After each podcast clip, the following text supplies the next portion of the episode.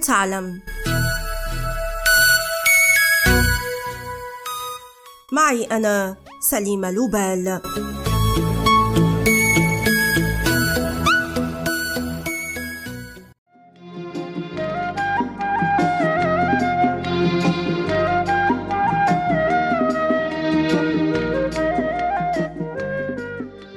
لا نعرف الكثير عن القبائل السودانية القديمة. لكن المؤكد هو أنها توحدت وأراضيها توسعت وامتدت إلى مصر في عهد الأسرة الفرعونية الخامسة والعشرين التي أسست مملكة الكوش التي لا يعرف إن كانت ذات جذور مصرية أو ليبية أم هي سودانية خالصة. وهو ما يميل إليه الخبراء بسبب نظام الدفن والأثاث الجنائزي الذي عثر عليه ويرجح أن يكون من تراث أهل السودان يلقب المؤرخون المعاصرون فراعنة السودان بالفراعنة السود لكن مؤرخين آخرين يفضلون استخدام لقب الكوشيين نسبة لمملكة الكوش التي تعد مهد الحضارات الإفريقية. عاصمتها نبتة وتقع عند سفح قمة صخرية هائلة في جبل البركل. هي أشبه بقطعة صخرية يعتقد أنها موطن الإله أمون وتسمى أيضا بالجبل النقي.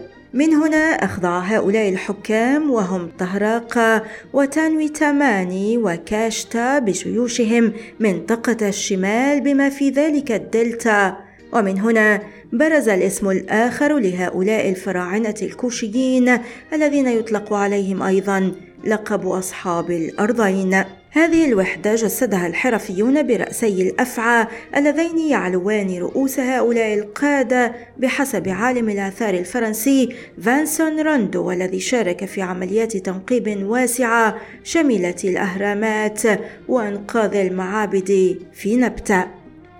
يعد طهراق الملك الكوشي الأكثر شهرة فقد عاش قبل مائة عام من هذه الوقائع وأما آخر ملوك مملكة الكوش فقد هزمه الآشوريون.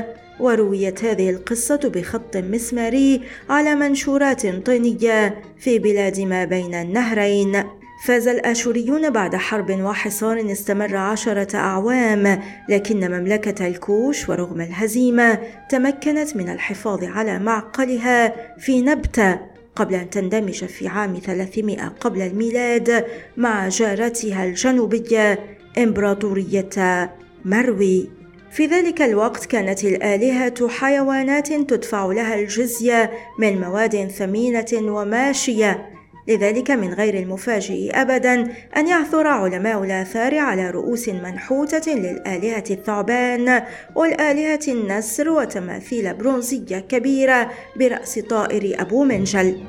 تعتبر الأهرامات في مروي التي أعلنتها اليونسكو موقعا للتراث العالمي في عام 2011 العلامة الأكثر لفتا للنظر في المنطقة.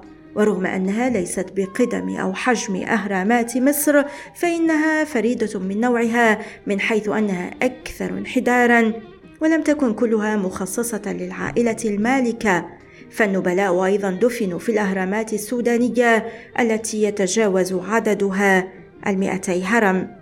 وحد هؤلاء الحكام النيل في عام 720 قبل الميلاد والأغرب أن متحف اللوفر الفرنسي يحتوي على 200 قطعة لتماثيل ومقتنيات تابعة لهم بينها مجوهرات تم استخدامها جميعها من الخرطوم ومناطق أخرى من العالم بحسب تقرير نشرته صحيفة لوفيغارو الفرنسية. وبينما تطالب مصر بإعادة قطع أثرية للملك عن خامون توجد بمتحف اللوفر الآن يحظوني أمل أيضا أن يستعيد السودان. قطعه الأثرية